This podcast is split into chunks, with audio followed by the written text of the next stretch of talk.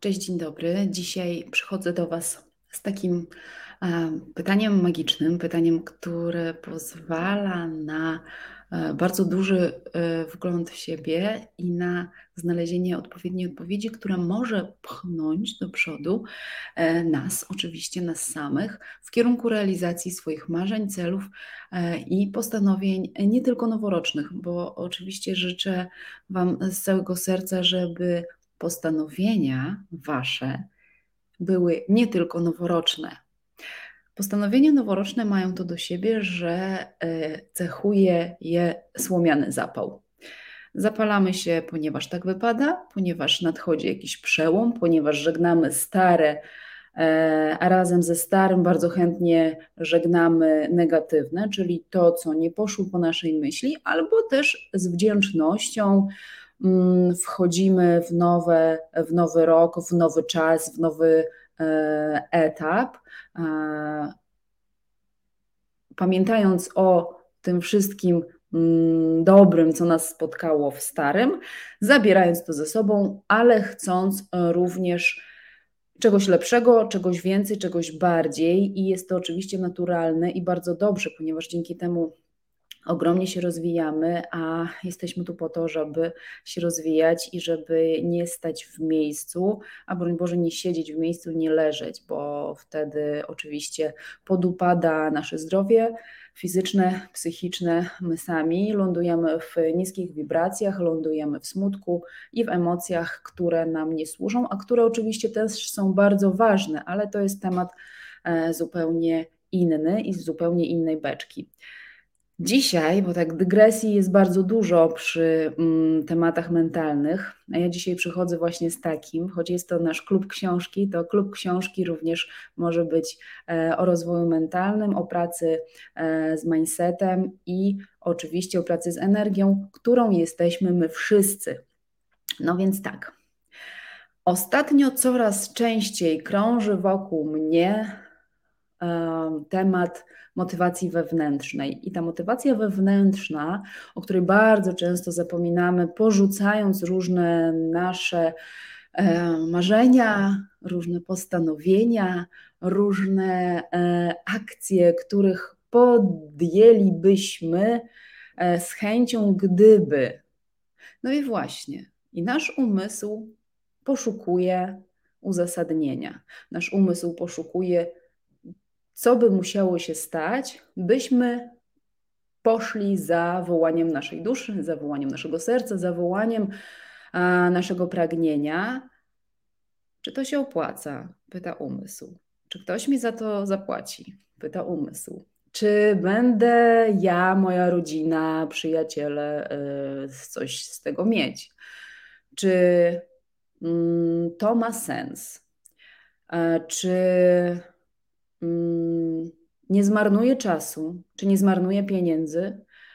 E, sytuacja gospodarcza nie jest przychylna. Sytuacja gospodarcza w naszym kraju i w ogóle społeczna, i chyba też to, że e, coraz bardziej, coraz bardziej, coraz głębiej chowamy się za mm, ekranami, za monitorami mm, w świecie wirtualnym, e, również nie sprzyja temu, by szukać w sobie takiego uzasadnienia, tylko patrzymy na e, warunki finansowe, warunki społeczne, warunki mm, ekonomiczne i wszystko to, co na zewnątrz może uzasadnić i dać mi przyzwolenie, by pójść za głosem serca by coś zrealizować, by zrealizować swoje marzenie, swoje postanowienie, swoje chce mi się.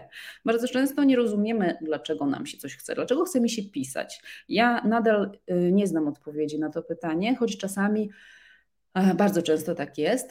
Mm, czasami bardzo często tak jest. E, sama przeczę sobie, ale właśnie dlatego, że się w tym gubię. Wydaje mi się, że czasami dotykam e, sedna i już wiem, jakie jest moje powołanie, dlaczego ja piszę, dlaczego tak bardzo tego pragnę, dlaczego tak bardzo czuję się komfortowo i fantastycznie pisząc książki, co nie jest tożsame z tym, że przychodzi mi to za każdym razem bardzo łatwo, w lekkości i nie mam żadnych wątpliwości ani co do swojego pisania, ani co do swojego, warsztatu, ani co do swojego talentu, ani, do, e, ani co do weny, która e, według jednych e, pisarzy i twórców istnieje, według innych zupełnie nie i nie jest potrzebna. A bardzo często po prostu nie wiem. Nie wiem, dlaczego ja piszę. I piszę, ale momentami pojawiają się pytania, czy to jest czegoś warte, a ta książka się za dobrze nie sprzedaje, a inna e, dostaje recenzje pozytywne, ale również zdarzają się recenzje negatywne i po prostu ktoś tak bardzo mocno zjeżdża moją książkę, że może wcale nie opłaca mi się pisanie kolejnej. I to opłaca się, to jest tutaj słowo klucz. Czy opłaca mi się według zewnętrznych jakichś wskaźników? Może się tak zdarzyć, że wymienimy cały szereg tych zewnętrznych wskaźników i okaże się, że według nich nie opłaca nam się robić tego, do czego woła nas dusza. Ale jest jeszcze motywacja wewnętrzna.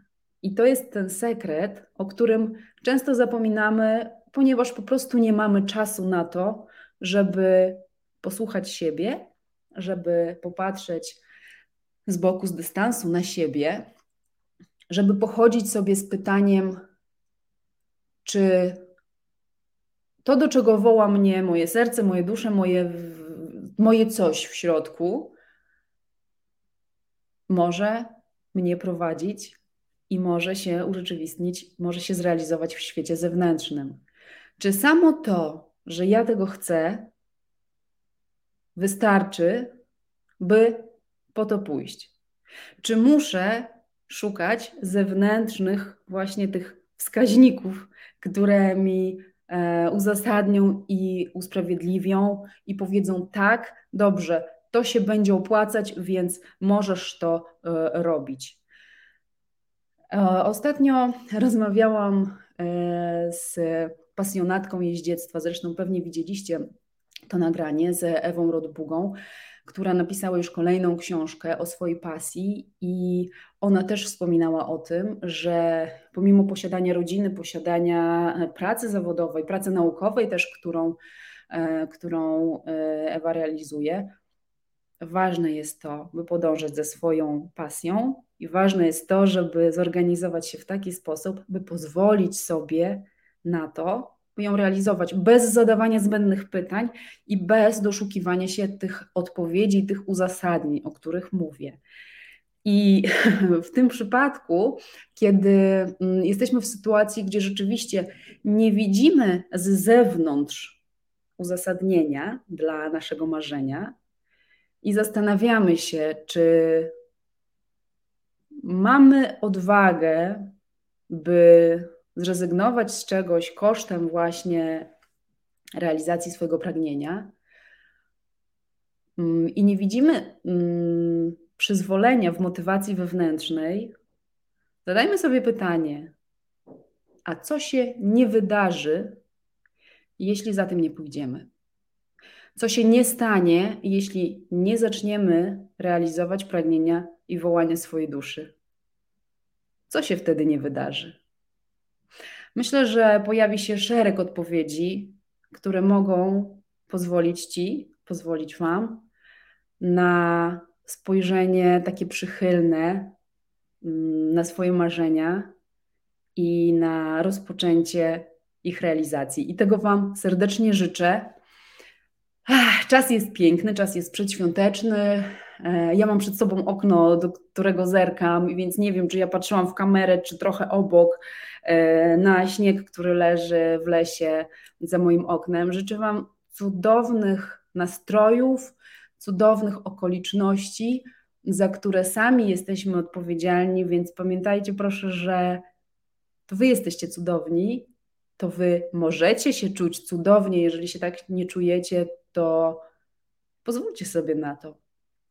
Pozwólcie sobie na to, pytając, to się nie wydarzy. Jeśli nie, pozwolę sobie na bycie cudownym człowiekiem.